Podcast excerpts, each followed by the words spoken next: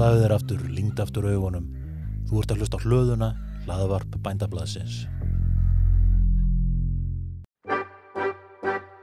Velkomin í kaupfélagið. Já, hvað, hvað kostar þetta? Hvað viltu borga? kaupfélagið. komiði sæl og blessuð og uh, velkomin í kaufélagið. Þetta er kaufélagstjórin sjálfur, uh, Jón Gnar, sem uh, heilsar ykkur á þessum uh, uh, bjarta en þó kalda degi. Það er svona margt sem liggur fyrir. Það er svona ýmislegt sem, að- sem að hefur verið í gangi undanfarna daga og, og vikur sem að sem ég finnst nöðsynlegt að að að dreipa á. Uh, ég er með uh, brakandi nýtt eh, bændablað hérna fyrir frá mig. Og uh, forsíðin er gríðarlega falleg mynd úr Vestmannegjum af af rollum í liðinni. Og og hérna já, já, blessaða rollunar uh, það er nú svona ímislegt sem að sem að uh, hefur verið að gerast síðustu síðustu dagana uh, og verið í fréttum.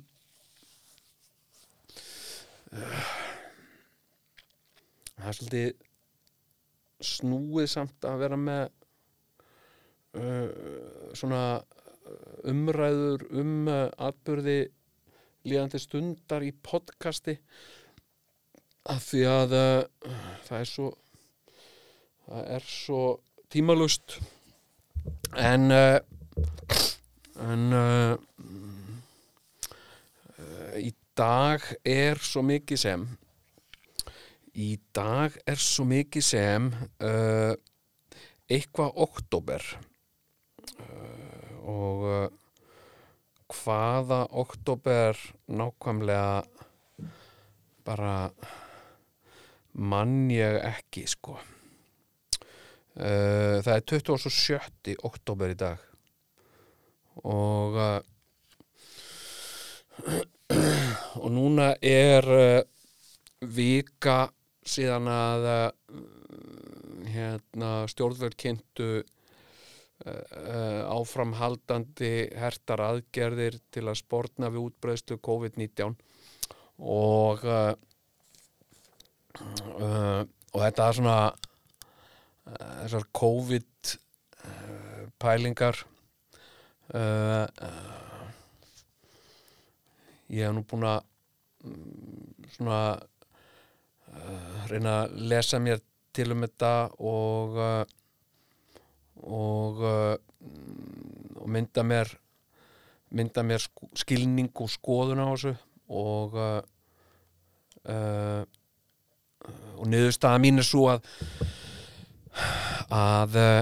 við vitum eitthvað um þetta. Og við vitum við vitum eitthvað um þennan vírus og við vitum eitthvað um hvernig hann smitast og við vitum eitthvað um uh, hvaða áhrif hann hefur á, á þá sem smitast uh, en samt ekki allt og samt ekki uh, sko nærri nóg mikið. Þannig að það eru flestir bara að reyna að gera sitt besta og og hérna og svona halda í jákvæðni uh, en líka líka einhverja svona uh, svona aðgátt og uh, og þessar aðgerið sem voru kynntar um daginn sem að sem að hérna er að já, bara áframhaldandi draga úr og, og takmarka og uh, mér fann svolítið aðteglisvert í þessu að uh, sko í fréttónum sem að uh, byrtust þá var svo mikil áhersla á íþróttir að uh, hvaða íþróttir mætti stunda og hvenær og, og hvernig og hvaða íþróttir mætti ekki stunda og svo framvegis og svo framvegis. Uh, en uh, uh, á sama tíma uh, er sko allt svona uh, listræn starfsemi uh, hún hefur bara leiðið niðri. Og bæði, bæði leikhús og tónleikar og, og slíkar samkomur. Og og hérna uh, og síðan bara líka uh, alls konar uh, atvinnustarfsemi um, eins og eins og í viðburða þjónustu viðburða haldi hérna veitingastöðum, hótelum ferðamanna yðnaði og það er bara það er rosa margt sem bara liggur niðri og uh, og auðvitað eru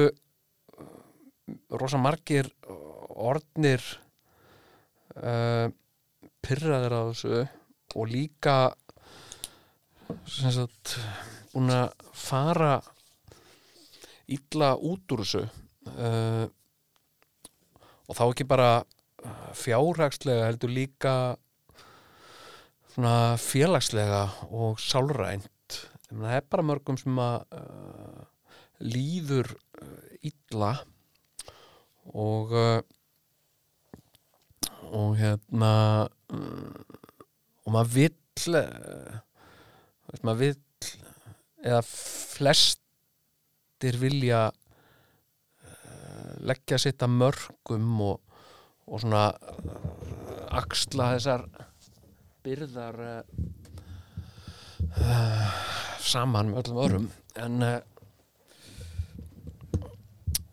mér fann svona sko mér fann svona þarna þegar síðasta aðgerar á öllun var tilkynnt þá fannst mér og ég skinjaði svona hef skinjað í rauninni í, í fyrsta skipti svona uh, svona tortrygni og uh, vandraust og uh, upplaust svolítið. Og og ég líka bara fann það hjá sjálfu mér. Ég hérna ég er svona já ég er svona pyrraðist á þessu og uh, og, uh, og og það líka svona skýtur svolítið skökku við og, og, margir hafa verið að benda á það að uh, það er svolítið sérstakt að að líkamsrættastöðum sé sé lefta að starfa á meðan að öðrum er það ekki. Og og og ekkit allir sammála um að þetta sé e, þetta svo kallaða meðalhóf sem um er talað. Þannig að eh, mm, þannig að eh, já, og ég bara já, svona svo þetta grímudæmi uh, sem að uh, svona virðist vera almennt en samt ekki. Uh, það eru flestir með grímur en samt ekki allir. Og uh, og ég veit ekkert alveg alltaf hvar uh, hvar er alltaf til þess að maður sé með grímu. Þannig að ég bara smellin alltaf á mig ef ég fer eitthvað og tek hann á frekar af mér. Og svona í búðum að þá hef ég séð uh, sko uh, flesta með grímur en svo líka fólk sem er ekkert með grímur. Og og hérna og ég veit ekkert almennilega hvort að það er skilda eða, eða, eða hvað það er sko. Þannig að það er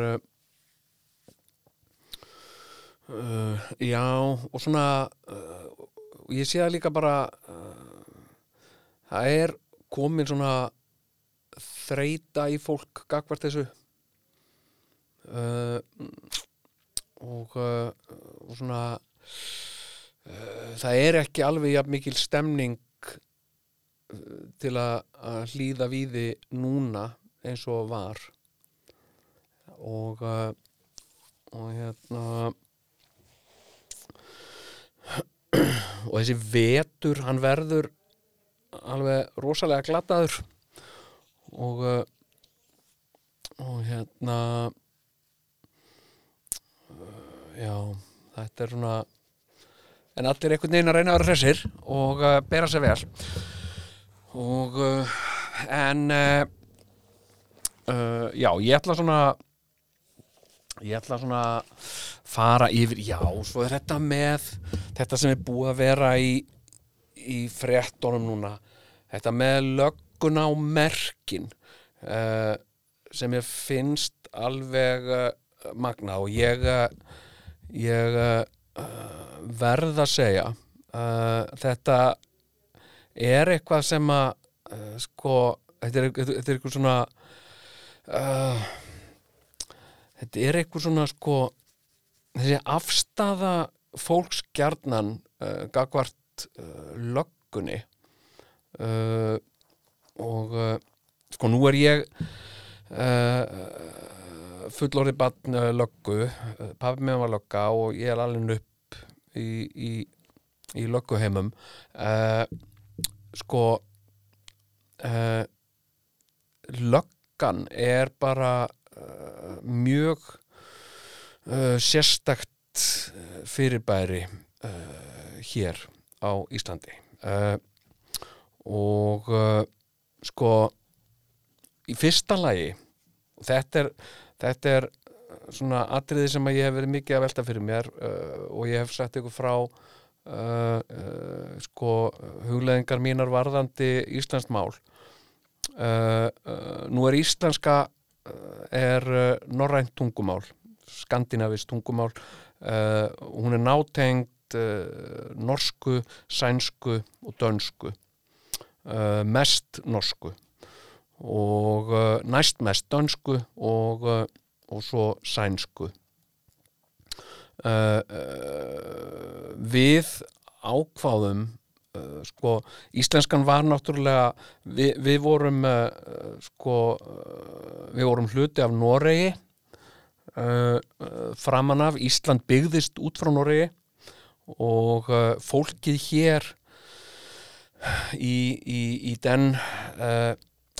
við upphaf uh, landnáms uh, talaði svipamál og, og talað var í Vestunúri svona svipað málisku og, og en síðan þegar, að, þegar að byggðin verður til hér að þá fer tungumálið að, að þróast sko sérstaklega uh, íslenskan fyrir að vaksa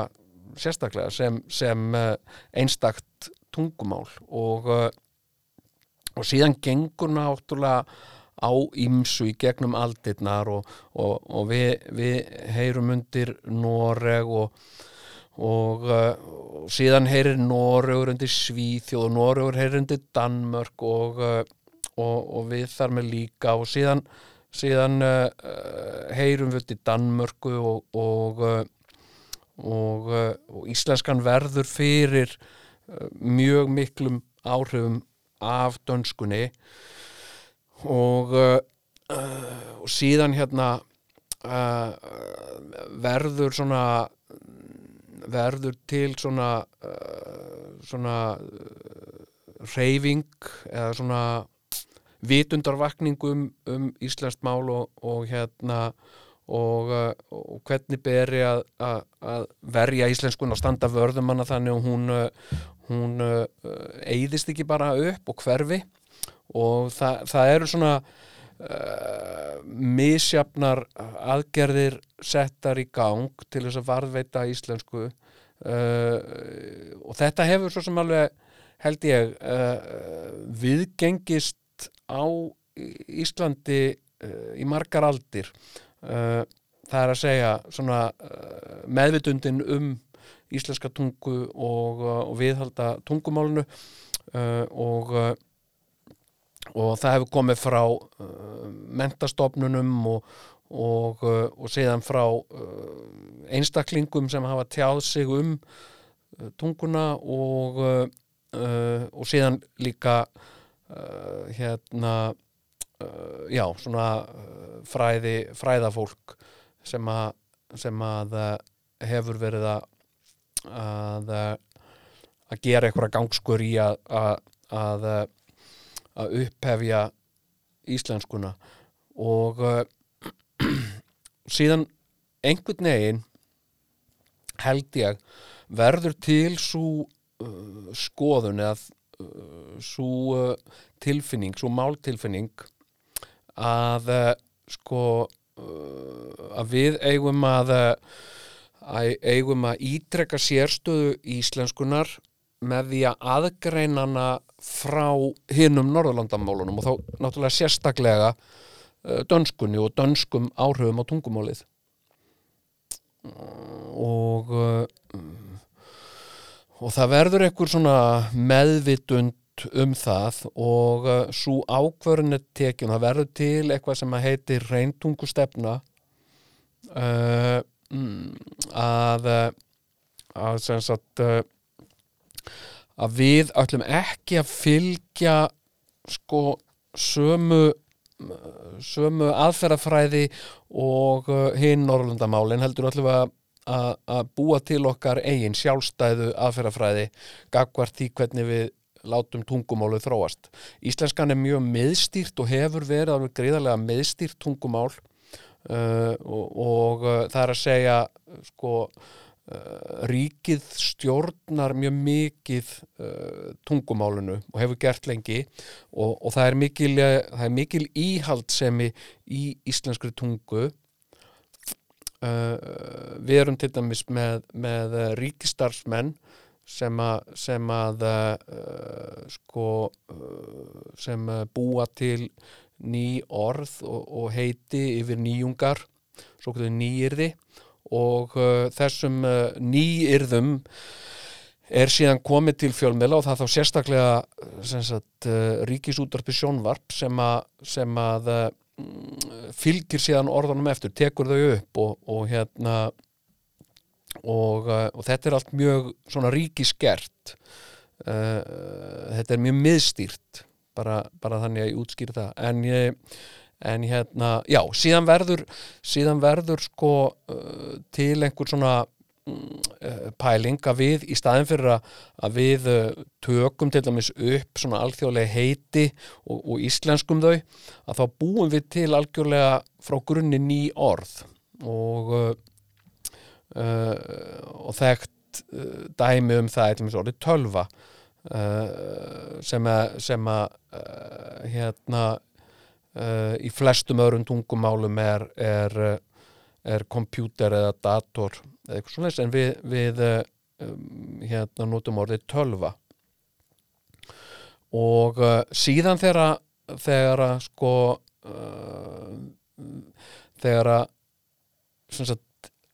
einhver tíman á 19. öld uh, þá þá, þá verður íslenska lögreglan til og uh, uh, og, uh, fyrir það þá, þá var lögreglan uh, dönsk og, uh, og það voru svona eftirlits menn sem að löpuðum bæinn voru kallaði vaktarar. Uh, og en við náttúrulega við vorum dönsk nýlenda og, og, og hérna uh, uh, og og Danir fórum um sjón löggæslumála uh, en síðan, síðan uh, verður uh, lögreglan til og allstaðar á Norðurlöndun, öllum hinnum Norðurlöndunum uh, hérna, þá heitir þetta Police eða Polity uh, og ég held að það heiti það eiginlega bara um allan heim. Þetta er svona alþjóðlegt orð yfir, yfir lauruglu, það er sem sagt police, politi politi, politsai það, byrjar yfir þetta á poli eitthvað. Uh, og uh, en uh, uh, sko hérna aðstæður hér urðu þess valdandi að að við ákvaðum að finna upp eins og bara í svo mörgum öðrum tilfellum við ákvaðum að finna upp nýtt orðið við þetta. Og, og, og byggum til orðið lögreglan. Og sem er uh, ofbóðslega vond orð uh, vegna þess að það bæði langt og óþjált uh, og svo eins og bara oft með það þegar er verið að búa til orð samkvæmt sem sagt aðferðafræðinni að þá er ekki allt tekið með reikningin og uh, uh, það verður þarna til uh, lögreglan og, uh, og þeir sem að starfa hjá lögreglunu uh, þeir verða lögreglu þjónar sem er ennþá lengra og óþjálla uh, og uh, pappi minn og hann var til þjótt uh, uh, hérna og þetta er svolítið þetta er svolítið sérstakt sko uh, uh, lögreglan. Þetta er sem sagt uh, reglan uh, sem, sem einhvern veginn ver lögin svona málfræðilegra málfræðilegra málfræðilega réttara væri líklega að kalla þetta lagareglan. Uh, uh, og uh, en, en sko kjörorð lögreglunar er, er frasinn með lögum skal land byggja sem að uh, fólk gerðnan heldur að, að sé uh, sko sér íslensk uppfinning en, en þe- þessi frasi er það ekki sko. Og uh, hann á uppruna sinn í, í, í, í, rómverskum kirkjurétti uh, og uh, og hérna uh, þannig að þetta er ákveðinhátt líka miskilningur og oft hefur það í gegnum aldirnar uh, sko uh, hérna ímislegt sem að hefur verið ákveðið hér hefur verið byggt á miskilningi vegna bara sko fáfræði okkar sem að, sem að skýrist að mestu leiti með, með bara einangrun. Við höfum verið svona þjóðin hefur verið einangruð oft á tímum frá alheiminum og tekið hérna ákvarðanir sem að, sem að uh, í er oft uh, svolítið mikil miskilningur og uh, og hérna jájá, en, en sem sagt lögreglan og lögreglu þjónar það verða sem sagt það verða þjónar og og, og lögreglu menn uh, og uh, síðan gerist það uh, ekki fyrir en bara 1980 eitthvað svoleiðis að konur fara að koma inn í þessa stjætt og, og þær verða þá ímest lögreglu konur eða lögreglu menn og þá er, þá er mikið til hægt að nota þetta þjónstal uh, sko þjónar uh, sem sagt það, það, það minna og minna um það að það sé talað um, um, um lauruglufólk sem þjóna. Þetta er orðið lauruglu menn og lauruglu konur eða þá bara allt lauruglu menn uh, konur eru þá orðnar menn og, uh, og hérna lauruglu menn uh, uh, og uh, sem, sem, að, sem að þær eru ekki konur eru ekki menn að öllu leiti uh, uh,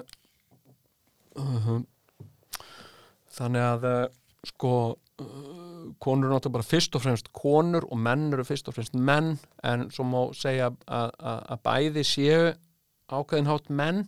en það er bara mjög takmörkuðu leiti uh, uh, til dæmis uh, þetta, þetta gengur ágætli í eintöl eða svona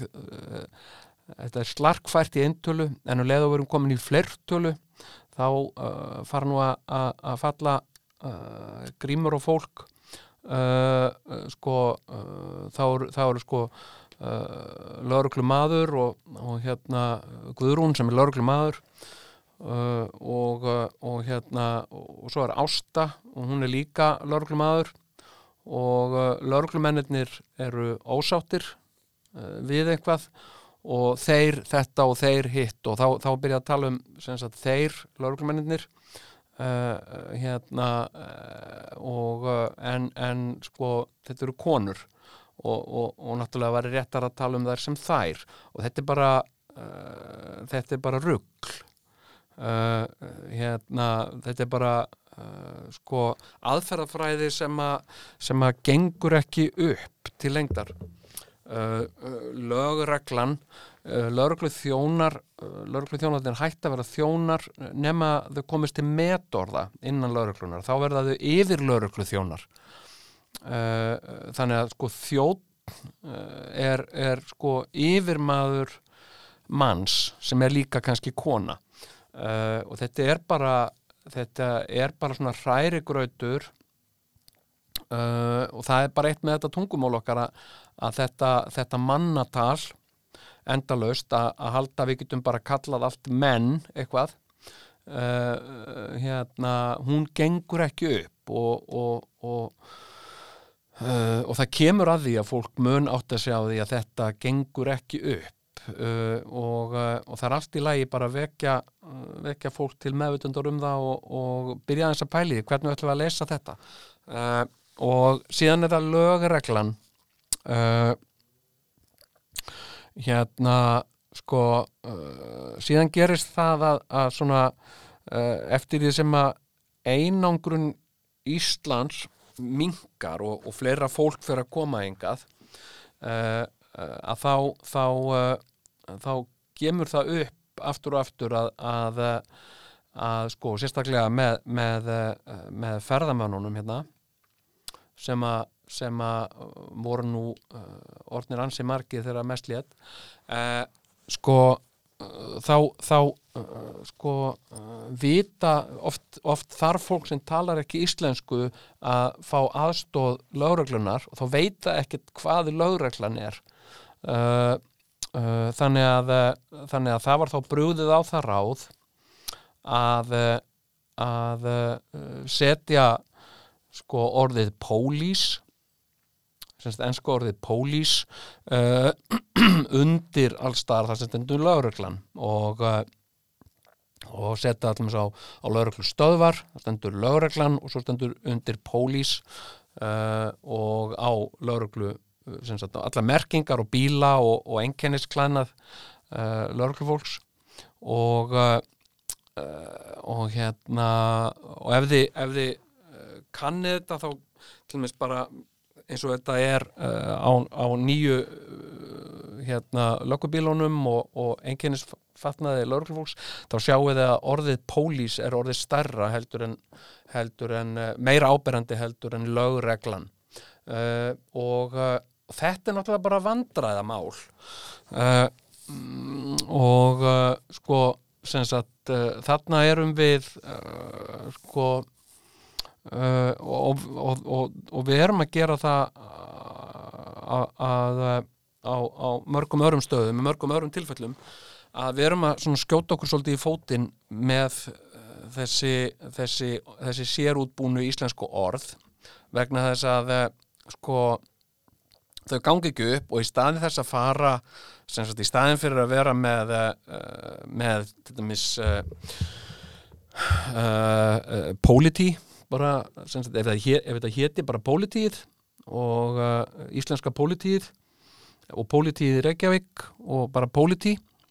það héta soldið hérna einu sinni. Uh, pappi talaði um sig sem politi og uh, og hérna uh, sko uh, þá, þá hefði það alveg öðlast sess og þá værum við líka á pari með hinnum uh, Norðalanda þjóðunum þá myndu allir vita ef við værum að segja einhverjum ef einhverjir væru hérna einhverju sem töluðu ekki íslensku væru hérna gestkomandi og, og lendi einhverju umferðaróhappi eða einhverju uh, að uh, þá, þá myndið vita hvað póli, pólití væri en, uh, en, en hér, ólíkt lögreglan. Uh, og, uh, og, þetta, og þetta er algjör synd líka vegna þess að í staðin fyrir að, að, sagt, uh, að fylgja Norðurlanda þjóðunum þá komum við upp með eitthvað sem, sem okkar, okkar eigin uppfinningu sem virkar ekki til lengdar og endanum sagt uh, offrum við því fyrir ensku. Og, uh, og það er bara synd sko. Uh, og það er ekki þannig sem að, sem að þetta var hugsað í upphafi. Þetta var ekki hei, búin til eitthvað uh, hérna einhver löng og flókin orð sem að, sem að engin munnan að segja til lengdar og uh, þannig að allir bara fara að tala ensku uh, hérna, já, gerum það, það var ekki pælingin sko, pælingin var að gera eitthvað svona sniðut íslenskt og uh, og hérna og, og stundum virkar það og stundum bara virkar það ekki. Og þetta hefur, komið svo glögt í ljós í þessum umræðum um þessa þessa uh, lögreglu konu sem að sem að hérna uh, var að bera á búningi sínum uh, þrjá þrjó þrjúmerki hérna þrjáfána í rauninni sko hérna sko sagt uh, grænfána sem er svona svo íslenski fánin uppistöðinu svona eins og fánar hinna Norðurlandan. Það, er mis, þar fylgjum við hinnum Norðurlandunum uh, við erum mjög, mjög, mjög svipaða fána og uh, hérna og hinn Norðurlandin bara öðruvísi liti. Það er að segja þessi kross og, uh, og ekki töldum við neina sérstak ástæðu til þess að fara einhverja aðra leið og vera með eitthvað svona okkar prívatfána, það voru rattur um það að hafa salt fisk eða, eða fálka og, uh, og annað með, með fálkan að sko uh, hérna, það útbreytur miskilningur að, að íslenski fálkin sé hvítur, hann er það ekki Uh, þetta er, þetta er, uh, er grænlenski fálkin sem er hvítur. Íslenski fálkin er, er svona grálet, gráletur og brún grábrún. Uh, en hérna og sko og þessi, þessi hvíti fáni hann er bara þessi hvíti fálki, hann er, hann miskilningur hvíti fálkin er flækingur hérna á Íslandi Uh, og uh, ég held að séu engin dæmum það að hann verpi hér eða, uh, eða neitt svo leiðis þannig að þannig að, já, við erum bara með þennan svona skandinavíska krossfána, já, já, svo verður þessi hérna þessi grænfáni til og og, og þetta var fórsprakki þungarátsjónsettarnar typo negativ sem að sem að hanna þetta, ok, allt í lagi. Uh, uh, ok, og, og það er þessi grænfáni sem hún er með og svo er hún með þarna Thin Blue Line fánan sem að er svolítið svona minnst af þetta sem ég hef sett hann í svona samband við uh, er svona eitthvað eitthvað svona uh, samstaða uh, fólks um allan heim það er að segja að setja svona uh, bláa línu í þjóðfannan þinn og það er svona merki um, uh, um uh, samstöðu uh, með uh, lauruglufólki og, uh, og hérna og ekkert út á það að setja. Og síðan var hún með svona líka miða sem að er hérna sem að er svona hauskúpa eða eitthvað svona hérna já uh, man ekki hvað þetta heiti, Punisher eða eitthvað svo leiðis uh, og, uh, og þetta sem sagt hafa fleiri lauruglukonur verið að að bera. Uh, og uh, ég sé önnur dæmi til mér það það er útfærsla af þessum hauskúpufána þar sem hann er settur upp í svona Hello Kitty lúk með svona slaufu í hárinu og, uh, og hérna uh, já uh, ekkert að þessu þannig séð sko. Uh, en uh, en hérna síðan hefur það síðan hefur það gerst og það er alveg magnað sko uh, hvað uh, við tökum mikið nótis af pólitískum átökum í, í bandaríkjónum uh, og uh, mm, og hérna og þessi þessi uh, sko þessi gæi þarna sem var í þungarálsjónsettina nú dáinn uh, hann kuð hafa verið einhverjum, einhverjum íslenskum ættum og uh, hann kallaði þennan græna fána uh, Vínlands fána já, hann hefur mér svolítið verið kallaði það. Og og norrænt fólk uh, sko uh, þegar það var búið að uh, sigla til Íslands að þá sildi norrænt fólk hérna bæði til Grænlands og til Norður Ameríku og það hafa alveg fundist staðfestar heimildur um það fornminjar. Hérna og og það voru það voru sko lönd uh, sem, að, sem eru svona hlutar af uh, Grænlandi uh, uh, hérna og, og Norður Ameríku eins og, og Helluland og og síðan Vinland uh, og sko þessar heimildir þessar íslensku heimildir sem að sem eru til uh, úr fortsögum eins og eins og uh, Eirbyggju og, og, og hérna uh, grænlendingasögu og svona uh, þær eru ekkert uh, sko neitt alveg frábærar heimildir vegna þess að, að uh, það, það uh, sko, maður veit ekkert alveg hvað er alveg upprunalegt í þeim og hva, hverju var bætt við síðar þegar fólk vissi betur þegar það var umskrifað og að vera þegar maður sem er að umskrifa eitthvað uh, á, á, á 15. öld sem var skrifað á 12. eða 13. öld uh, um, og, og hérna og er greinilega miskilningur út af bara einangrun og, og uh, fákunáttu uh, uh, af hverju að vera viðhalda miskilningnum í nýrri endurbættir útgáfu, af hverju ekki að leðrétta miskilninginu, Ma, maður veit svo sem ekkert alltaf hvenar, hvenar það hefur gert. En, en hérna já. Og, og þetta var svona fyrir þennan, fyrir þennan ágæta mann sko að vera, vera sko eiga einhverjar íslenskar ættir, eða ættir er ekki til Íslands uh, fannst honum uh, hérna upphefð og, og hérna og vera vínlendingur uh, sem er alveg gaman. Gaman að vera vinnlendingur og vera með sinn eigin fána og bara hérna uh, og uh, og það er ekkit að því að uh, að búa sér til sinn eigin fána. Það er ekkit að því. Uh, en og hann setur þarna inn í fánan græna liti og, og svona. Og þetta er líka svolítið sem að sem að svona amerískum uh,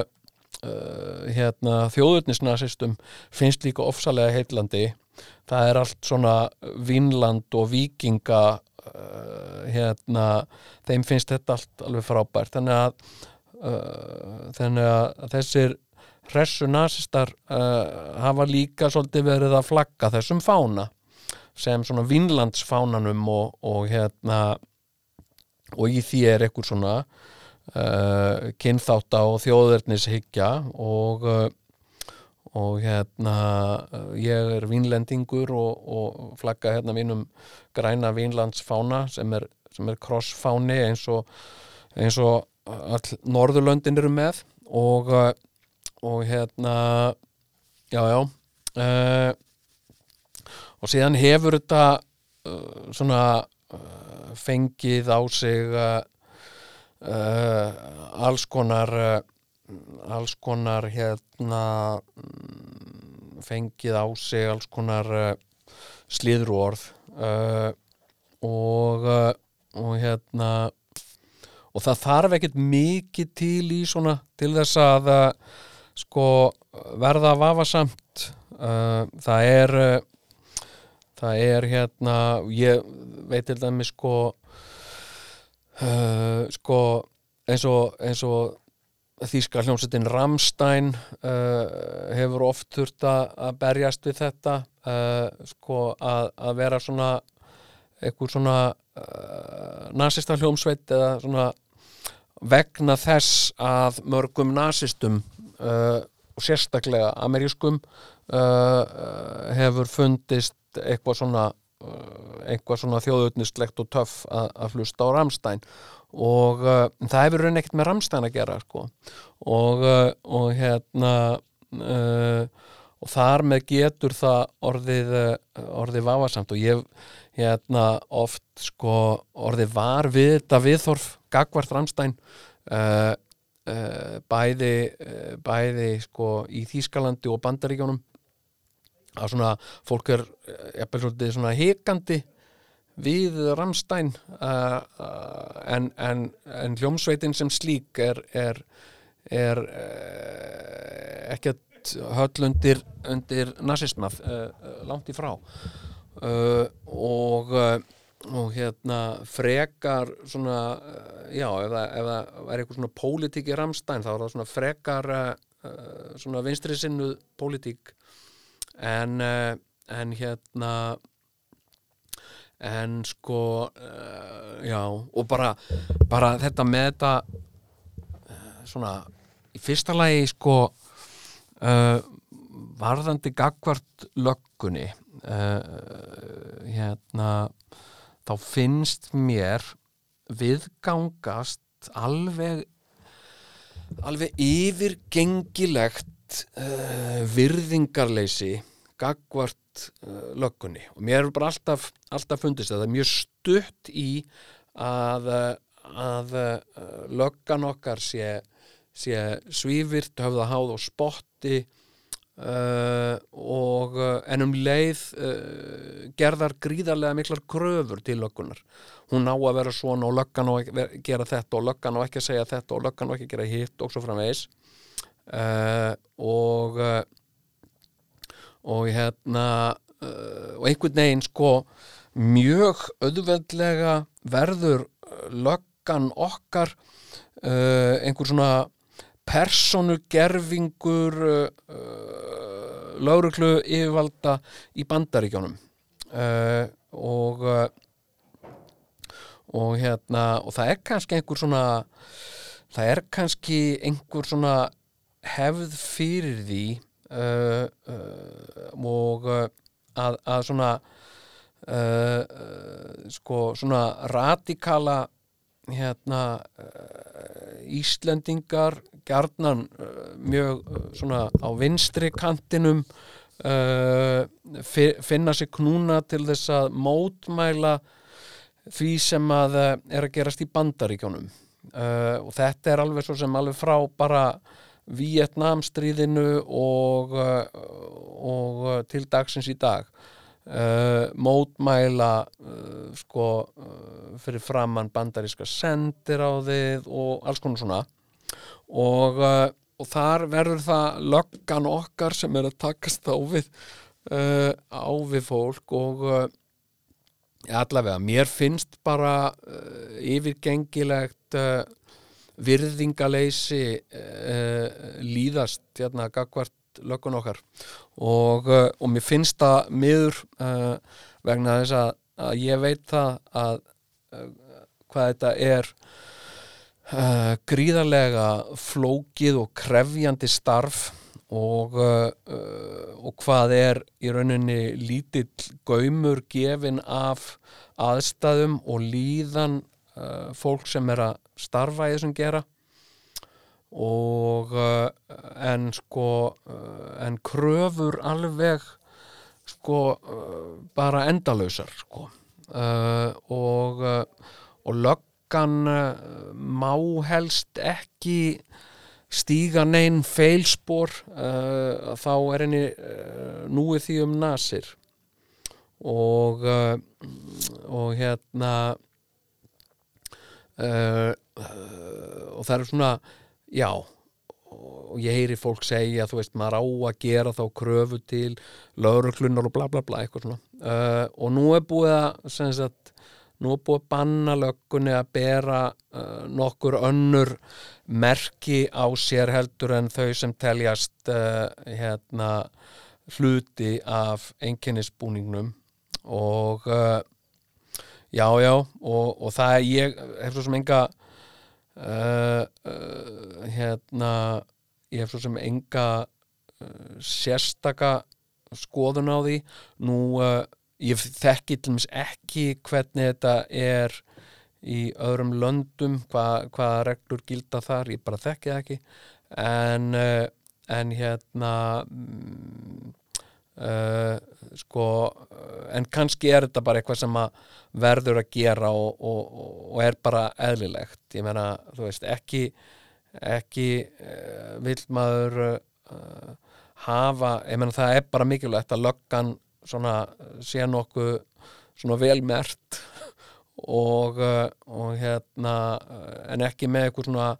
eitthvað torkennilega sérstökmerki en uh, ekki sem hluta af einkennisfatnaði. En uh, en hérna en þetta með sko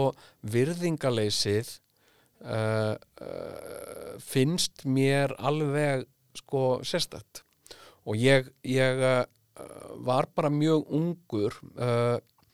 ég ætlum að þegar ég var var batn þá, þá las ég lauruglublaðið hérna, eða lauruglumadurinn eins og blaðið heitir uh, uh, og uh, það kom alltaf með pappi og lögga og lauruglumadurinn uh, kom alltaf á heimilið og svona. Og, og ég fylgdist og líka bara að því að þetta hafði einhvern veginn með mitt líf að gera þá, þá hérna sko þá fannst mér alltaf og ég var var við þetta viðþorf í uh, sem sagt, meðal lauruglumanna og líka meðal almennings að það var svona meiri einhver, það var einhver meiri virðing uh, borin fyrir móturhjólalöggum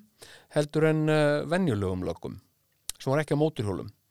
og kannski var það uh, leðurgallinn og kannski að því að þessir, þessir móturhjóla kallar voru svona svolítið kappar uh, og einhvern veginn og töff móturhjóla Harley Davidson og þetta var svona kannski var þeirra ímynd eitthvað eitthva betri heldur en almennra laurugljóna uh, og og hérna uh, en það var svona til dæmis í myndefni þá var til dæmis mjög gjarnan uh, myndefni uh, skreitt með myndum af, af móturhjólum og móturhjólalögum uh, og enkennisbúningur móturhjólalögna var allt öðruvísi. Uh, uh, sko mér fannst alltaf svona gamli löggubúningur eins og eins og pappi pappi var í mér fannst þetta alltaf svona æ, mér fannst þetta svolítið svona gjaldkeradrakt. Hérna, þetta var alveg svona eitthvað teflon, nylon eitthvað og uh, og uh, og eitthvað svona æ, mér, ég svona, þetta var uh, smá svona uh, lúðalegt sko. Uh, en uh, móturhjóla lögurnar, það var bara móturhjóla lögurnar voru bara í móturhjóla búning uh, með löggumerki á sem að sem að var töff og svona svart og, og hérna en, en hérna og það vantar einhverja það vantar einhverja svona já, mér finnst bara vanta vitundarvakningu og sérstaklega á svona tímum eins og við lifum núna. Uh, um, um lögguna og bara afstöðu okkar til uh, löggunar og, uh, og hérna uh, þú veist og það má ímislegt segja um yfirstjórnina eða skipulagu löggæslumála en einstakt fólk bara einstaklingar sem er að gegna þessu starfi uh, hérna sko eiga bara skilið miklu miklu meiri virðingu og miklu miklu meiri tillit sem en er almennt verið að sína, sína þeim. Uh, og ég veit ekkit þú veist, ég, ég hef reynd að tala um þetta ofinberlega, ég hef oft uh, uh, skrifað einhverjar uh, greinar um þetta og, og, og, og ég hef uh, uh, talað fyrir þessu við mín börn og svona þegar, þegar uh, löggan hefur komið til umræðu í, í, í svona í gegnum uppeldið. Og og það er oft svona til dæmis uh, í gegnum sko uh, hérna uh, oft í gegnum uh, uh, bandaríska dægumenningu uh, tónlist til dæmis þá kemur oft fram uh, svona harkalegt viðþorf uh, gagvart löggunni og, og hérna mm, og og ég hef bara sko dílað við þetta og ég hef sagt mínum krokkum alltaf, veist, þetta er bara ekki sama, hérna, íslenska löggan og, og, og, og pólísið í, í bandaríkjum þetta er bara ekki sama og íslensk samfélag og bandarist samfélag eru mjög ólík. Uh, þannig að þannig að ekkert að bera þetta saman. Uh, og uh, en oft svona uh, höfum við til að heimfæra eins og ég var að segja heimfæra svona bandarískan raunveruleika upp á okkar mm, okkar íslenska raunveruleika og það er ekkert alltaf rétt. Þannig að sko uh, mér finnst uh, uh, sko uh, löggan bara löggan sko er bara svona, svona eins og eins og sko svona starf eins og eins og hérna sjúkraflutningar uh, fólk sem að, sem að sinnir sjúkraflutningum eða, eða uh, slökkvilis fólk uh, þetta, er, þetta er mjög sambærilegt sambærilegt fyrirbæri. Þetta, eru, þetta eru aðilar sem að sem að hafa sérhæft því að að, að vera tilbúnir til að, að, skakka leikin uh, hérna, og aðstóð okkur þegar að út af ber.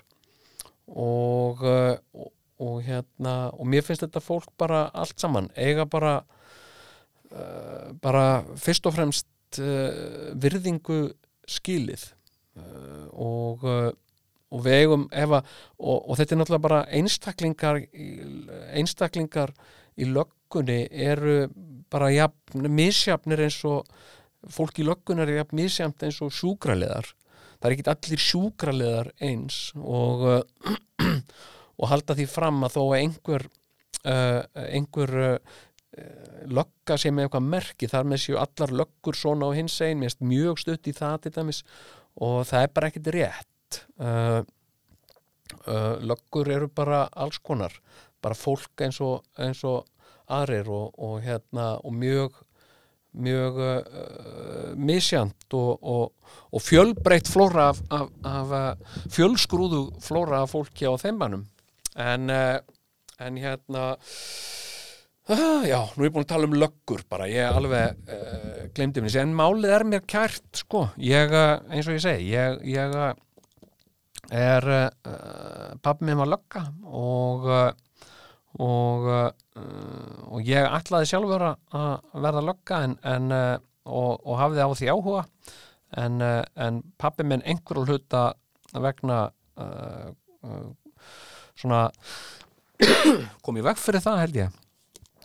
Uh, hann var ekkert sérstaklega hrifin af því og ég veit ekkert af hverju hann var ekki hrifin af því að ég er í lokka uh, uh, kannski vildan uh, verja mig fyrir starfinu vegna þess að þetta uh, starf uh, hérna tók mikinn toll af honum og hann, hann bar þess ekki bætur uh, það sem hann uh, upplifði og varð fyrir í sínum störfum. Og kannski vildi hann slífa mér, vildi ekki að ég fari í þetta. Og uh, kannski vildi hann slífa löggunni við mér, ég veit það ekki alveg sko. Uh, kannski gat hann ekki vissan að þetta gengi aldrei. Ég er því aldrei almennilega lögga. Uh, hérna en uh, ég held að ég hefði orðið fín lögga sko. Hérna Jónsi lögga og hérna og við höfum bara við eigum bara hérna uh, sko við eigum bara við eigum bara að sína sína löggunni okkar virðingu fyrst og fremst og uh, og kenna uh, börnum okkar að- sína uh, löggunni virðingu vegna þess að, að við viljum að þetta fólk sé bara uh, eins vel í stakk búið og getur verið ef að svo leiðinlega vill til að við þurfum á hjálp þess að halda. Og uh, og viljum ekki svona uh, hérna draga úr áhuga fólks á því að að, að vinna þetta þetta starf og, og við viljum heldur ekki að þú veist að gott fólk að við sem að þjálfa upp, upp gott fólk a, til að sinna þessu starfi sem síðan bara brenni upp út af einhverju, einhverju smáræði einhverju, einhverjum smávælugum yfirsjónum eða eitthvað svo leiðis og þá er ég ekki að gera lítið úr einhverjum stórum mistökum sem að, sem að uh, einstaka löggur kunna að gera. Uh, og, en það er engin stóri dómur yfir uh, öllu því ágæta fólki sem að, sem að sinnir þessum störfum hérna í heldina og uh, það ápar alls ekki vera þannig. Og ekkit frekar en kennarar eða prestar. Hérna einhver, einhver prestur er ömulegur og, og hérna það þýðir ekkit allir prestar sjö djöflar, það er, það er bara ekki þannig sko. Uh, og og hérna já, mér, þetta svona sko, þú veist, eins og með svona, svona mál hérna, hérna uh, þú veist, þá bara svona já, er það, það sniðut að löggur sé að bera á sér eitthvað svona persónleg uh, merki? Nei, kannski er það ekki sniðut en ok, en hvað mega þau þá? mega þau vera með með, með svona uh, einhver merki til styrtar góðum málefnum? Uh, hérna uh, bláa borðan, bleika borðan eða bláa naglan eða, eða uh, eitthvað svona uh, eitthvað svona sem tengt einhverju eða bara á algjörlega að sleppa því. Og, uh, og hérna og mér finnst þetta bara ágætis ágætis pæling sko. En, en bara verum, verum uh, góð uh, við löggurnar okkar og uh, þetta er ekki vond fólk. Þetta er bara bara ágætis fólk upp til hópa og það þekki ég af, af eigin, eigin reynslu. Og uh, uh, en framkoman veist, ég fór þegar ég var borgarstjóra og fór ég tók ég eina ég held ég að reynda að gera það tvissar uh, já, en ég fór sem sagt uh, næturvakt uh, með, uh, með löggunni um helgi. Og, og hérna og það var gríðarlega fræðandi uh, og uh, og hérna uh, og einhver tíman um miðjanótt kannski fjögur eða fimm þá, uh, þá kerði kerðum við, ég var inn í löggubíl og við kerðum niður laugaveg og bankastræði og sko þetta var ótrúlegt sko hérna, ég hafði bara ekki sko, ég reyndar ekkert ég hef ekkert farið niður í bæ eftir miðnætti í svona pff, 30 ár. Uh, hérna og ég geri það uh, bara helst ekki að fara að það vegna þess að bæði uh, sko hérna er ég sko ég er svolítið félagsfælin sko. Ég, mér líkar ekki við háfaða og, uh, og, og svona ég hef aldrei verið hrifin af upplaustn og kaosi. Svona ringulreið og, og, hérna, og drikkjulátum mér, mér, mér stendur stuggur að druknu fólki. Það er bara hérna, uh, það er bara eitthvað sem að sem ég kemst ekki yfir, bara um leið og fólk er drukki í kringum mig þá verði ég á Varbergi gagvart í uh, og uh, og uh, uh, sko ég hef uh, tvö tilfelli. Einu sinni var ég að lappa niður bankastræti. Þetta hefur verið 97, 98 eitthvað svo leiðis var að lappa í bankastræti um vetur og ég svona ég var í úlpu og með hettun og svona yfir. Og ég mætti uh, tveimur ungum mönnum og, og þeir voru bara uh, ressir og, og hérna voru komnir í bæin að skemmta sér. Og, uh, áður en ég sem sagt vissi af þá ég var ekkert að gera þeim sko. Uh, þá að annar þeirra, annar þeirra sem sagt feldi mig. Hann sem sagt brá fyrir mig fæti og hrindi mér, þannig ég datt fram fyrir mig. Og uh, og ég held þér hafi allað sem sagt að, að snappa það einhvern veginn að lemja mig uh, hérna svona hluti er ég alveg óbóslega rættur við sko. þeir ætluðu sem sagt að snappa það að lemja mig uh, hérna, eða bara eitthvað áreita mig eitthvað sem hún sér til, til dagrastýttingar og gamans og, og ég sem sagt datt þarna, datt frekar illa sko og og, og brá mikið þannig að ég reyfa mér hettuna og, og horfði á það og þeir stóðu svona tveir og uh, en þeir þeir sáu sem sagt uh, uh, hver ég var. Sem sagt uh, þeir, ætluðu bara að lemja einhvern nobody sko. En þetta var Jóngnar sem þeir höfðu felt þarna og, og hann var ekki hress með þetta nema sko hérna hinum megin við göttuna voru sko einhverjir aðrir gaurar og og hérna, og þeir kölluðu eitthvað upp og segi, ei, ég verð að ráðast á Jóngnar hérna, og eitthvað, ég saði ekki neitt sko, það bara gerðist á bara nokkrum sekundum sko. Og, og það kemur sem sagt maður hlaupandi og ég held bara hreinlega að hann hafi verið dýravörður eða eitthvað sko, hann var þessi sko uh, mjög íþróttamannslega vaksinn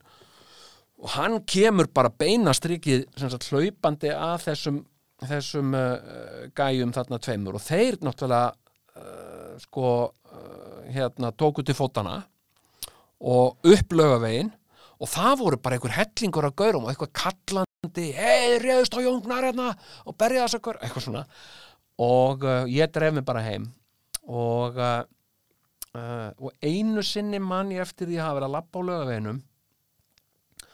og og hérna og þá var sagt uh, þá var flöskuflegt í áttina að mér og hún smallaðist í, í, í vegnum á bakvið mig uh, og henni var bara hent úr bíl á ferð sko. Og uh, þetta, svona allt er mér illa við, já, og ég hérna hef ekkert farið þarna neitt nýri bæ uh, og en ég fór hann í lágubíl niður bankastræti og það var, sem sagt, bílinn var barinn utan hérna það var sko hent dóti í bílinn og lögurnar kiftu sér ekkert upp við þetta, þau sátu bara þarna og hérna, já, já, það er svona nokk, svolítið mikil ölfun hérna í bænum og eitthvað svona. Bara aðrulaus og heldu alveg kúli og síðan var sko fólk að hlaupa. Þau kerði náttúrulega lötur hægt sko. Síðan var fólk að hlaupa fyrir bílinn og stoppa og þau voru að tala við ungt fólk sem voru að koma þarna sem var svo mökk álfað að það skildist ekkit hvað það var að segja sko. Hérna já, ok, og, og hvað er vinkona eitthvað svona. Og, uh, og hérna heitir hérna heitir Hákan heitir Hákan heiti ég Hákon, nei, ég heiti ekki að Hákan Lakkan, þekkir að Hákan hérna, þetta var bara svona þetta var svona uh, sveitaball eftir sveitaball stemning og ef það var einhvað sem þetta myndi mig á, þessi reynsla mín að keira í gegnum miðbæin með löggunni uh, þá var það sjónvastættinir Walking Dead. Það myndi mig einna helst á það. Bara sko gjörsamlega fyrt uh, fólk uh, frávita af ölæði sem uh, væplaðist um öskrand og gólandi og, og hérna já, og svolítið, hefur verið svolítið svona ímynd mín af skemmtanarlífi uh, miðborgarinnar. En ég er byrjaður að fletta hérna fletta hérna í bændablaðinu og ég var með hérna ég gera nú alltaf áður en ég tekur þáttinn þá, þá hérna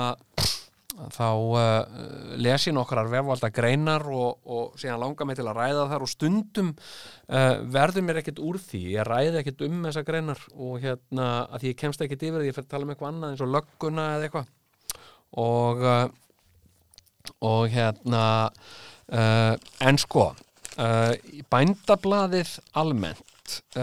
sko bara heilt á litið. Þetta er það blað og sá uh, vettvangur á Íslandi sá fjölmiðl á Íslandi sem kannski uh, fjallar mest um, um, um lífið á svona breyðum grundvelli. Ekki bara mannlífið heldur dýra, dýralífið plöntulífið og bara lífið uh, uh, almennt og þá er ég að tala ekki um bara, þú veist, lífið eins og hérna uh, eins og skemmtana haldum helgar, heldur, heldur live uh, eins og bara uh, BBC þættir. Það er að segja um, um alls konar lífverur og ég held að sem ekki mörg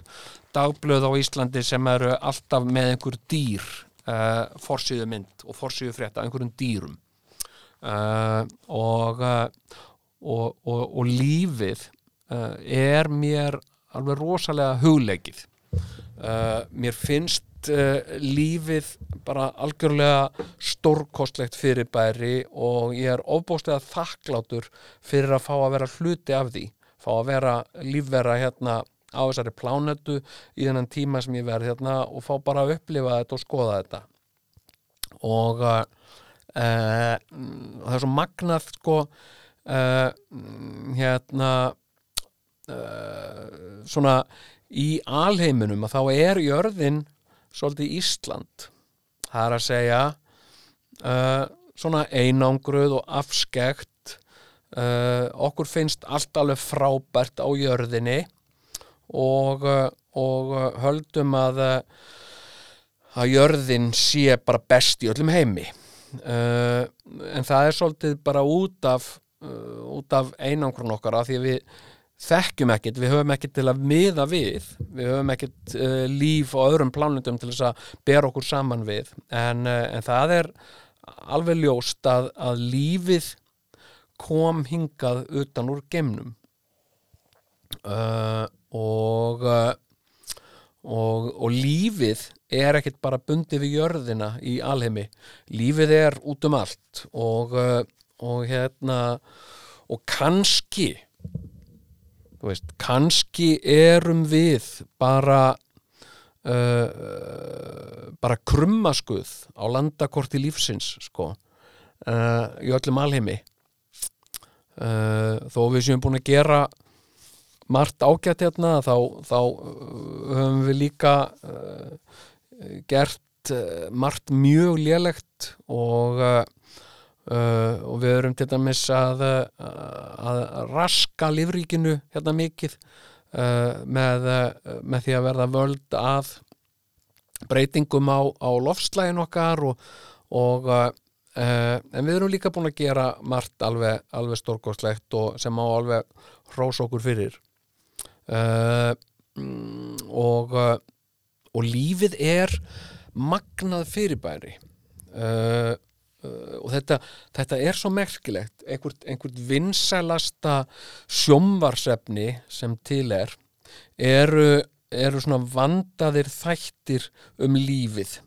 Uh, uh, hérna Attenborough er, er næstum því þjóðhetja hér á Íslandi fyrir, fyrir, og bara út um allan heim fyrir sína vöndu dýralífstætti og, uh, og hérna mm, og það eru fáir sem að, sem að hafa ekki ánægju af því að, að horfa á, á vandaða, vandaða uh, þætti um, um spendýr og dýrin í Afríku eða skordýr eða heimfuglana eða hvað þetta heitir allt saman. Uh, og, uh, og svona af lífinu almennt uh, svona, hvað ég segja svona í ímyndinni af lífinu uh, þá þá, uh, þá er ímyndin frekar jákvæð. Það er að segja í huga okkar. Við, við hérna höfum jákvæða ímynd af, af lífinu og og hérna og, og fylgjumst spennt með nýju dýralífstáttunum frá BBC um, um, um þetta og hitt og, uh, og hérna uh, en sá er líka svo skrítið hvað eru gríðarlega miklir fordómar gagvart lífi? Uh, Íslendingar eru uh, svona samkvæmt minni upplifun eru bara frekar uh, fordómafullir og tortrygnir gagvart lífi. Það er að segja uh, lífi sérstaklega sem eh, sko kemur hingað annar staðar frá. Uh, það er mjög stutt í, í tortrygni uh, og fordóma. Og mér erum alltaf mér erum alltaf sko fundist þetta skringilegt. Og ég hef stundum sagt sögu frá því einu eitt sumar fyrir mörgum mörgum árum þá á, á, á björtum sumardegi þá, þá ákvaði ég að lappa upp á keili og á Reykjanesi og, uh, og lappaði þangað upp og, og, og ég skrifaði þar í gestabók uh, og þetta hefur verið líklega árið 2000 ætli að þetta hefði ekki bara verið sumarið 2000 og uh, og hérna og ég, þegar ég stend þarna uppi og bara sólin hátt á lofti og ekki sko uh, neitt vindur hérna reyði ekki hár á höfði alveg blanka logg og svo er ég stend þarna sé ég allt í hennu bara svona stórt fyririldi, vangirnir á því voru bara svipaða stórir og lofarnir á mér. Svona stórt fyririldi og það er bara flögrandi þarna um. Og, uh, og ég gerði það sem að uh, hérna, maður á að gera. Ég, ég hérna hringdi í náttúrufræðistofnun til þess að til að segja frá þessu talaði með einhvern, einhvern mann þar og sagði, er ég hérna upp á keili og það er hérna bara risastórt hitabeltis uh, fyririldi hérna, flóra hérna? Já, já, sagði hann, það er það er ekki óvenjulegt. Þau, þau berast hingað til Íslands með svona hlýjum hálofta strömmum oft frá Amazon-svæðunum koma með, með vindinum. Já ok, já já. Það eru gamlar, gamlar heimildir um þetta sko, þetta alveg frá miðöldum sko og uh, uh, og þegar að fyrildi bárust hérna til landsins í gamla dag voru þau kallu pestarflugur vegna þess að talið að þau bæru með sér einhverjar pestir. Já ok, og ok, alltaf leið og hérna, en þetta svolítið finnst mér svolítið lýsandi fyrir ákveði viðþorf Íslendinga til uh, til uh, lífvera, til framandi lífvera. Uh, að það, það er sko það er, að, það, er, það er svo stutt í svona einhverja tortrygni uh, fallegt fyririldi það verður, á augabræði verður að pestarfluga. Og, og, og þá að ná því og, og brenna það þannig að það ber ekki með sér einhverja pestir. Og, uh, og enn þann dag í dag er þetta svolítið viðþorf þetta er svolítið viðþorfið að, uh, að við eigum að, sagt, að takmarka innflutning uh, hérna, lífvera til Íslands verðan þess að beri hugsalega með sér einhverjar pestir. Uh, og, uh, og ef við bara bönnum þessum lífverum bönnum þar á Íslandi og bönnum þeim að koma enga að þá, uh, þá hérna þá, þá eru allar hugsanlega pestir sem þau myndu hugsanlega bera með sér uh, uh, þá erum við búin að útiloka þær. Og ok, sem er, sem er alveg, mér finnst þetta alveg virðingavert hérna uh, viðþorf sko. Og uh, og hérna og við erum til dæmis sko við höfum, við höfum gengið sko gengið alveg svakalega hart fram í sko Uh, sko sótt einangrun hérna til dæmis þegar fólk er að flytja hingað inn uh, dýr frá, frá útlöndum þá, þá, þá sko uh, hérna til dæmis ef að fólk var að kaupa sér hunda í útlöndum og ætlaði að flytja á til Íslands þetta er nú eitthvað breytt sko. En hérna uh, sko uh, það var þá voru þeir hafðir í einhverju einangrun í jafnvel marga mánuði uh, og, og hérna mm, og uh, og við náttúrulega sko bönnum alveg óbóðslega mikið og sumt af þessu er náttúrulega skiljanlegt. Uh, við bönnum innflutning á öllum hestum að því að til þess að bara að, að hérna halda vel utan um hestin okkar og svona og það er alveg skiljanlegt. Uh, og og hérna og við höfum ræktað upp hérna uh, stopna eða viðhaldið stopnum af dýrum sem að sem að eins og, eins og íslenska hestinum sem er, sem er uh, útdöður annar staðar. Og, uh, og ég kynntist í vel þegar ég var í færiðum hvað, uh, hvað færiðingar uh, sjá mikið eftir að hafa glatað hestónum sínum. Uh, uh, en þau seldu þá alla í kólanámutnar í Brellandi og við vorum svo sem duglega því líka. uh, en, uh, en hérna uh, og fluttum út alveg gríðarlega mikið magn af, af, af hrossum til, a, til að strita í kólanámum enda þótti íslenski hesturinn ofsalega góður í það að hann var náttúrulega uh, duglegur og, og sterkur og líka lágvaksinn og hendaði vel í námur og mikil eftirspurn en, uh, en hérna það vildi okkur til haps að við gerðum það ekki. Ok, þannig að það er alls konar svona í þessu sem er alveg, alveg skiljanlegt og, og, og það eru alls konar fjársjúkdó, fjársjúkdómar og, og hérna mm, og svona ónæmi sem að dýrin okkar uh, hafa ekki. En, uh, en hérna en til dæmi sko hérna uh, til dæmis eins og eins og, já, til dæmis, ein, ein, ein, ein dýrategund sem, a, sem er alveg bönnuð hérna það eru eðlur og snákar. Uh, mjög margt fólk hefur áhuga á, á svona dýrum og uh, uh, og langar að fá að, að eiga svona dýr en það er stránglega bannað. Og og hérna mm, og mér skilst að það sé út af salmonellu uh, en sko uh, og það sé bara ástæðan en það sé samt ekkit raunverulega ástæða það er bara uh, mér skilst að raunverulega ástæðan fyrir þessu sé bara að það sé svo einfalt að bara banna þetta. Og, og, og, og mér er oft fundist það að ekkert vandamál sé svo flókið á Íslandi að ekki megi leysa það með því að banna eitthvað. Uh, og, og við höfum uh, sko gengist upp í því að, að banna hluti, banna þetta og banna hitt og, og jafnvel gert það sem, sem einhvern skona einhvern hluta af svona einhverju upphafinni sjálfsmynd okkar. Við séum svo frábara, við bönnuðum þetta bara. Uh, og, og hérna og í mestalagi er það uh, svona álitin, álitin einhver sérviska svona, við séum svona, já, svona kverulandar að því að við bönnum uh, bönnum hunda, við bönnum fólki að heita það sem það vill og við bönnum uh, við bönnum bjór og við bönnum bara allt sem okkur dettur í hug. Og þar með erum við búin að leysa uh, þau vandamál. Og og, og, og já, það er sem sagt það, það er algjörlega bannað að vera með, vera með hérna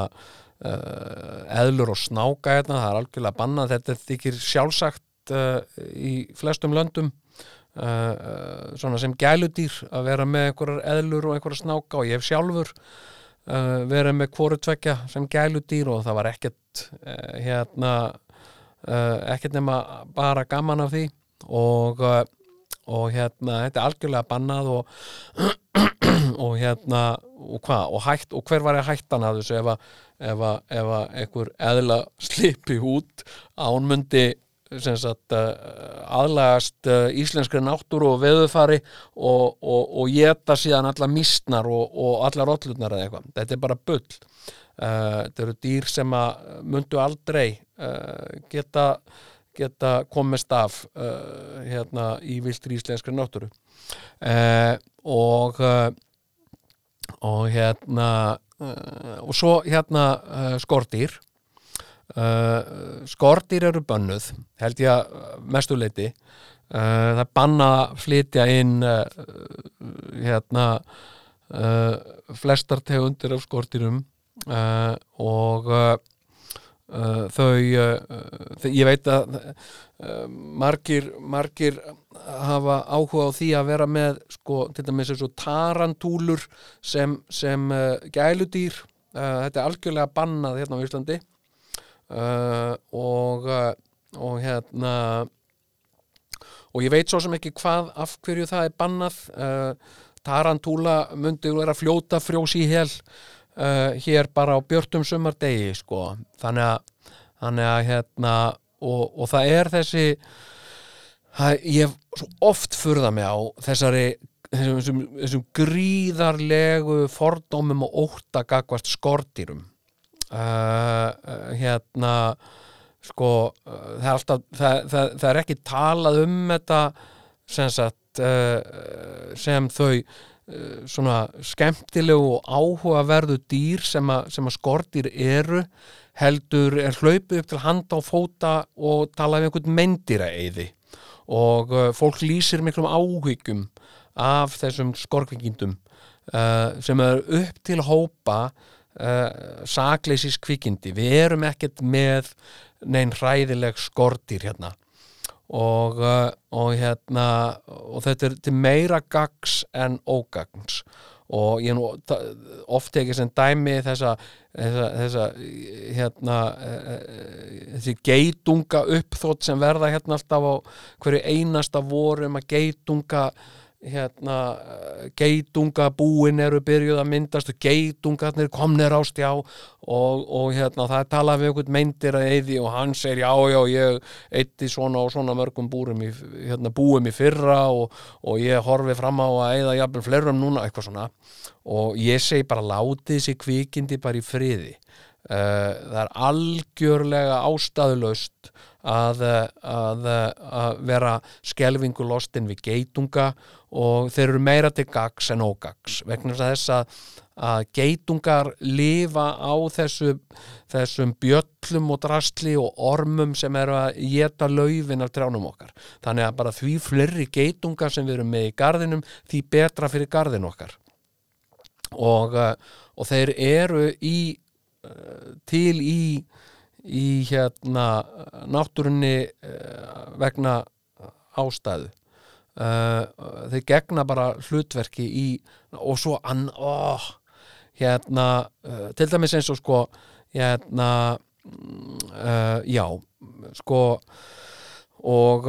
og hérna og eina ástæð og, og alltaf þegar að dýr einhvern veginn skjóta upp kollinum uh, uh, sko þá eru þau samt á einhvern hátt uh, til ánægi og indisauka það kemur einhver, einhver fugg hérna, sem hefur ekki sést hérna áður og hann er myndaður í bak og fyrir og það er allir fjölmiðlar uh, með fugglinn og hann er svo flottur og, og, hérna, og þetta verður bara svona uh, skemmtilegt að sjá einhvern svona fallegan fuggl og hérna uh, en það er, það, er, það er alveg ótrúlegt sko hérna fábreytileiki íslensks uh, uh, dýralífs. Hann er alveg ótrúlegur með að við önnur lönd. Og, uh, og hér eru í rauninni uh, engin, engin vilt spendýr uh, nema, nema refir, uh, mís, uh, rottur og mingur uh, og uh, og, og, og tvö, þrjú af þessum dýrum uh, fluttum við inn uh, fyrir miskilning uh, það talið að, að, músin hafi komið hérna með landnámsfólki og, uh, og hérna og, og rottan uh, uh, og, síðan slapp mingurinn hérna og mingabúum og hefur aðlagast hér ágætlega. En refurinn refurinn og selurinn einu spendýrin sem að sem að hérna uh, lifa vilt á, á, á Íslandi og, uh, og ég ætla nú ekki að fara hérna að- sko tala um það uppþótt sem verður þegar hvítabjörn álpastingað uh, það er upplaup og, og hérna og hystería og, og síðan hérna sko, já og, og það er svo oft gagvart hérna og það er mikið verða að ræða um það í, í bændablaðin okkar í, í dag uh, um, uh, um skórækt og og, uh, og hérna og hvað er bara uh, hérna uh, sko uh, mikil auðæfi og tækifæri fólkin í skórækt og, og hvað skórækt er bara mikið vinn-vinn fyrir okkur íslendinga uh, og, og, og hér er til dæmis uh, sko uh, hérna opnugrein um skórækt og átök í, í, skórækt og, félagsskóabænda hérna á Östurlandi og, og titillin á þessari grein er náttúru öðlind nýrra tíma. Og, hérna og mér finnst alltaf hérna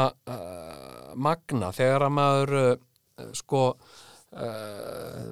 talar eitthvað um skórækt og við ættum að, að gróðusetja fleiri tré og rækt upp fleiri skóa uh, sumir takaði vel en svo er alltaf einhverjir sem að sem að hérna krossleggja hendur og segja neina allt, allt og mikið á skói á Íslandi og þetta er bara þetta á eftir að vaksa eins og illgreis og eitthvað svona. Sem er ekkit rétt, þetta er bara fordómar og uh, það er ekki mik of mikið af skói á Íslandi og það er engin að tala um það að, að, planta tré á hvern einasta fermetir á landinu uh, heldur bara að rækta upp uh, hérna skóa uh, og tré svona hér og þar um landið. Og það verður nóg af beranguslegri auðn eftir fyrir fólk sem að, sem að hefur ánægju af beranguslegri auðn. Uh, og ég get alveg skilið það sem er hafið það. Uh, og, uh, og hérna og einhvern veginn sko að vilja uh, sko þetta, þetta sæbarða sker sem að Íslandi er svo er svo mikið að svo mörguleiti við það að vilja varðveita það og ég skil það alveg Þa, það, er, uh, það er alveg eitthvað til þess að varðveita en það má alveg vera líka uh, það má líka vera skóur það er alveg pláss uh, fyrir alls konar. Og, og hérna þetta er svo merkilegt þetta viðþorf margra til uh, sko til lífleysis Íslands uh, uh, og hvað það sé merkilegt og, og uh, einhvern veginn í, í ekkerti sínu uh, hvað það sé eftirsóknarvert að, að halda Íslandi líflausu uh, og helst uh, ekki gróðursetja neinar plöntur eða grös eða hafa nein dýr og allra síst skordýr uh, heldur ég alltaf vera bara dögt og kalt uh, hérna og mér finnst það alveg merkilegt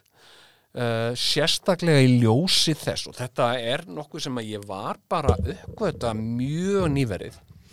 Sem sagt uh, ég var eitthvað að hugleiða þetta. Og og hérna það er svo merkilegt upp úr norður Allandshafinu rís þessi klettur sem Ísland er. Og, uh, og á honum búum við uh, skítrætt við geitunga og uh, til í að banna uh, hér, eðlur og, og hérna og og hérna og höfum miklar áhyggjur af uh, lúpínu eða eitthvað svona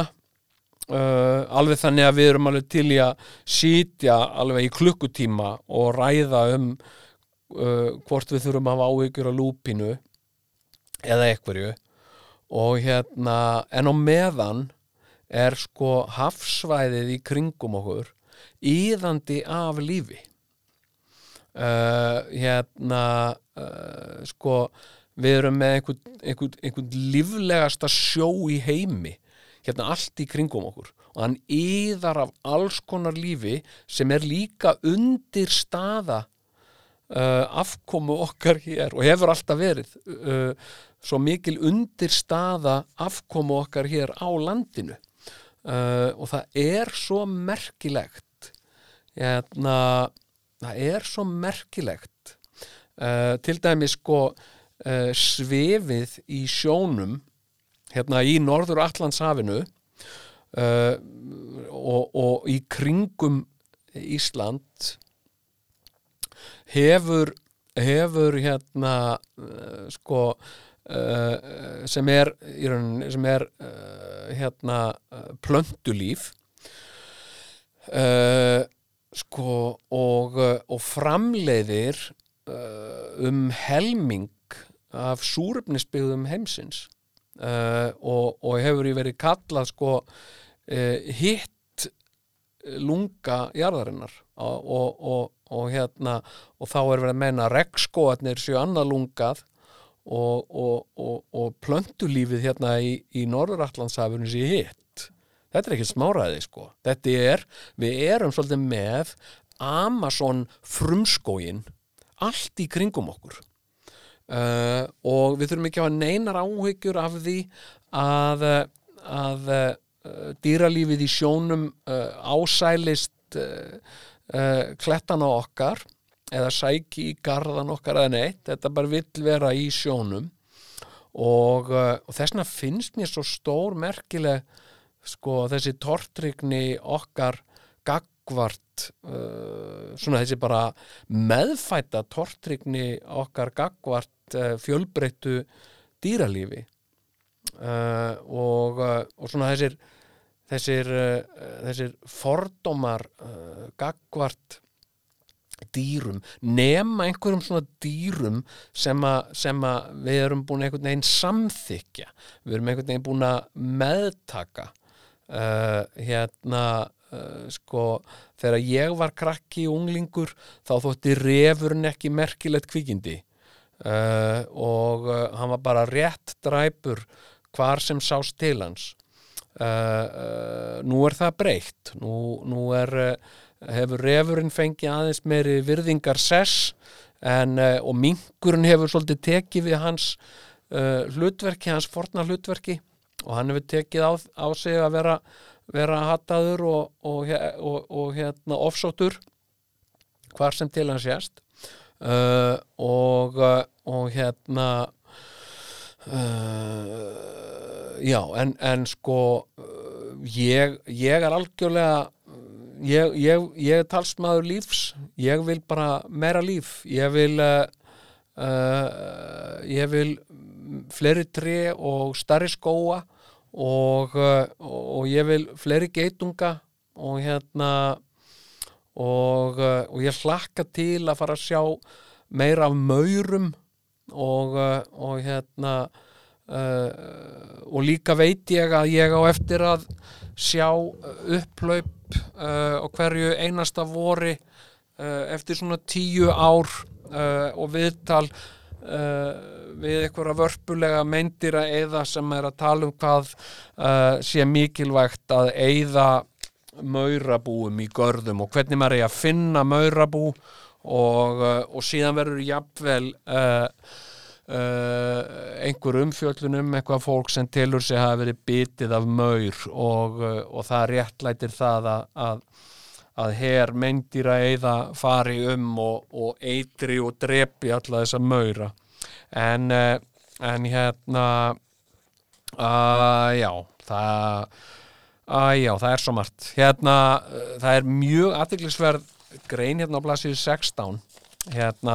um, uh, um, sko, um fisktegund sem að, sem að hérna, uh, ég hef nú ekki heyrt mikið um og það er ufsi uh, hérna sem að heitir á ensku pollock og mm, hérna uh, ufsi er, er bara svona fiskur einn af þessum fjölmörgu fisktegundum sem að lifir hérna við uh, í hafinu í kringum okkur. Og, uh, og hérna og hefur ekki mikið verið getin hér en, en er herramannsmatur og, og fólk getur í útlöndum. Og, og þetta er eitt alveg stór merkeli sem ég oft velt fyrir mér. Hvað er þetta? Hérna,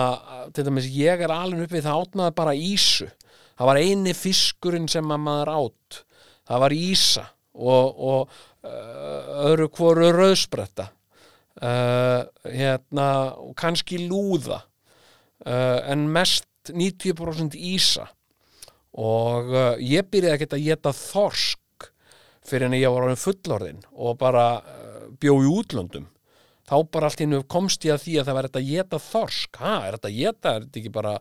er þetta ekki bara kattamatur? Nei, nei, þorskur er bara það er dýrasti og fínasti fiskurinn. Nú, ok. Og hérna, og ufsi er bara svona herramannsmatur og, og hérna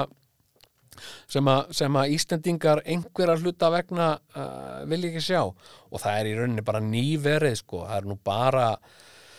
20 ár síðan að ég uh, fór að sjá hérna svona uh, eins og steinbít öðruvís en harðfisk. Ég held að steinbítur færi bara beint í harðfisk, ég vissi ekki að þetta að geta þetta. Og hérna uh, og þá var þetta bara eitthvað svona bábilja og fordómar uh, sem, að, sem að ég bara einhvern veginn held að það var ekki tægt að geta þetta svo er bara hægt að gera alls konar fína fiskrétti úr þessu og þetta er bara fínt á bræðið og, og, og, og bara allt gott en uh, og svo er hérna og þetta með íslenska matarmenningu sem að ég gæti nú gert mjög langt mál úr sko. hérna það er sko hérna, ég hef svona séð hérna uh, svona með, með íslenska matarmenningu. Þetta er eitthvað sem ég uh, hef nú uh, haft áhuga á. Og, uh, og hérna uh, uh, það er engin íslenskur matréttur til sem er sér íslenskur sem ég hef fundið uh, nema kæstur hákall uh, allur allir aðrir uh, matréttir og jú hugsanlega laufabrauð. Laufabrauð og hákall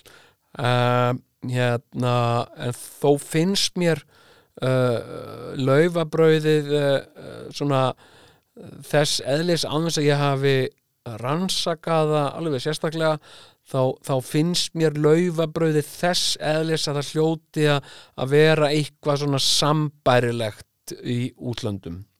Uh, þó sé kannski ekki alveg með sama minstri en einhvað svona þetta deg sem er, sem er djúbstekt í ólíu uh, og, og verður eitthvað svona stökkum kegskokum. Það, það hlýtur að vera eitthvað sambarlegt, ég bara þekki það ekki en, en það er ekkert til í líkingu við hákall uh, nei, ekki sem ég hef fundið sko. Og hérna sko uh, það, það er það er uh, sérstætt og, og hérna en, en það er mörgum í blóðbórið að halda að, að það sé alls konar uh, matur sem sé hérna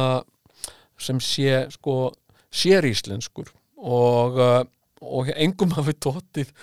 hérna í huga elda neitt í líkingu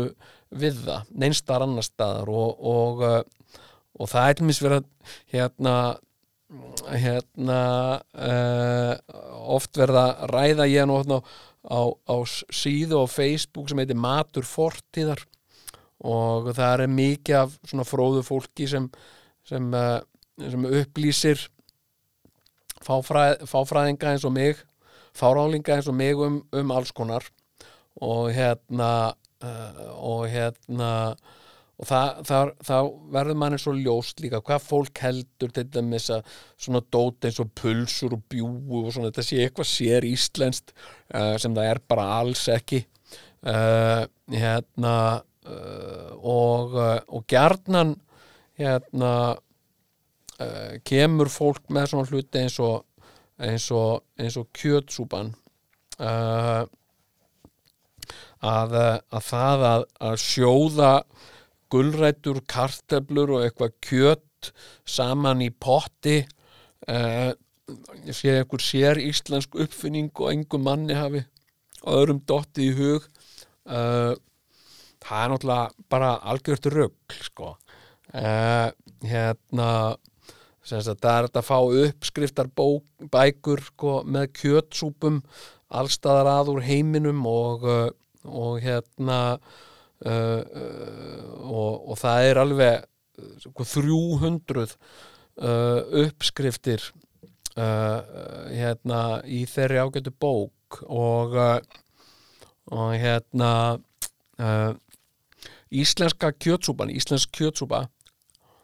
uh, og ég komst að þessu hérna íslenska kjötsúpan er uh, svolítið norsk kjötsúpa uh, án uh, sem sagt reykt svínakjöts.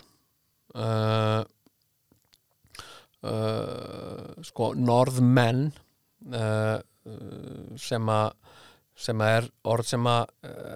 er hluti af uh, þeirri, þessari nýju íslensku sem að, sem að uh, ég uh, uh, mun uh, agitera fyrir. Uh, uh, sko frængur okkar norðmenn uh, norðfólk hérna mun sko já, setur setur sko uh, sem sagt reykt uh, svínaflesk uh, í, í kjötsúpuna. Uh, en að öðru leiti er hún bara í henni svipað og við erum með í henni og að ótrúlega margt að þessum hérna gamla íslenska mat eins og þorramat og svona sem er á rætur sínar að rekja til Noregs. Uh, og uh, enda, enda fólkið sem flutti inga fyrst að flutti mest frá Noregi og uh, tók með sér uh, sína matarmenningu hingað og uh, og hérna, hún var ekki fundin upp hér. Það er ekkert eins og þetta fólk hafi bara ekkert kunnað að elda, að villa hvað átt að geta þegar það kom hingað, það er náttúrulega bara eldaði það sem það, sem það þekkti frá sínum heimahögum. Og, og Noregur uh, miðað við Evrópu uh, sko Norður Evrópa uh, byggðist náttúrulega uh, síðast uh, Evrópulanda og uh, það var búið að vera blómleg mannabyggð í, í Suður-Evrópu um, um margar aldir áður en að fólk fór að færa sig norður og uh, uh, norsk matarhefð hún á, uh, hún á líka sem sagt, sinn uppruna í, í Evrópu, í, í miða-Evrópu og, og, og síðan í, í Suður-Evrópu og, og hérna og hérna þannig að þannig að uh, sko uh, já það og, og eins sko eh, hérna með, með slátrið sko ég, ég hérna ég ætlaði að taka slátur og uh, hérna og búin að fara í krónuna og ætla, ég hugsa ætla að taka slátur. Og hérna ég hef ekki gert það bara í 30 ár sko. En það er ekkert hægt að fá keppi lengur, ég fann það á hverki sko. Og, uh, og hérna sko uh, slátur og þetta sem sagt að, að, að, að taka innmat og, og hakkan og, og, og, og, sjóðan uh, með, með, uh, með fytu og einhverju dóti í vampir er bara gert út um allan heim sko. Og, uh, og svo barst þetta náttúrulega uh, hérna til dæmis eins og við þekkjum haggis til dæmis sem, að er svona þessi skoska livrapilsa hérna uh, og blóðmör sko er hið upprunalega slátur. Hún er, hún er old school sko blóðmörinn en, en livrapilsa er, er uh, til þess að gera nokkuð nýjung hér á Íslandi. Og uh, og var ekki talin til sko sláturs framan af. Uh, þá var gjarnan talað um sko slátur og livrapilsu uh, og uh, en mig langaði svo mikið til þess að gera svona sko og, og, og í rauninni sko livrapilsan er soldið uh, soldið svona uh, svona uh, fábrotnari útgáfa af haggisi. Það er að segja að það er minna af krydd í því og minna bragð meira salt minna, minna krydd meira salt hérna og mér langaði svo til að gera svona, mér finnst blóðmjör ekkit, ekkit uh, sérstaklega góð. Uh, og uh, ég er meiri svona livrapilsu kall mér langaði að prófa að gera sko livrapilsu með chili, með ananas með beikoni bara að gera alls konar svona fusion livrapilsu en ég næði nú valla en ég, ég nema ég finni keppi. Uh, að hérna uh, hérna uh, já, ég þarf kannski að að- gera gangskurið í að finna keppi. En uh, já, ég læt það uh, verða að loka orðin mín hér í dag. Ég er farin út í lífið að leita keppi. Góðar stundir Velkomin í kaupfélagið. Já, hvað, hvað kostar þetta? Hvað viltu borga? kaupfélagið.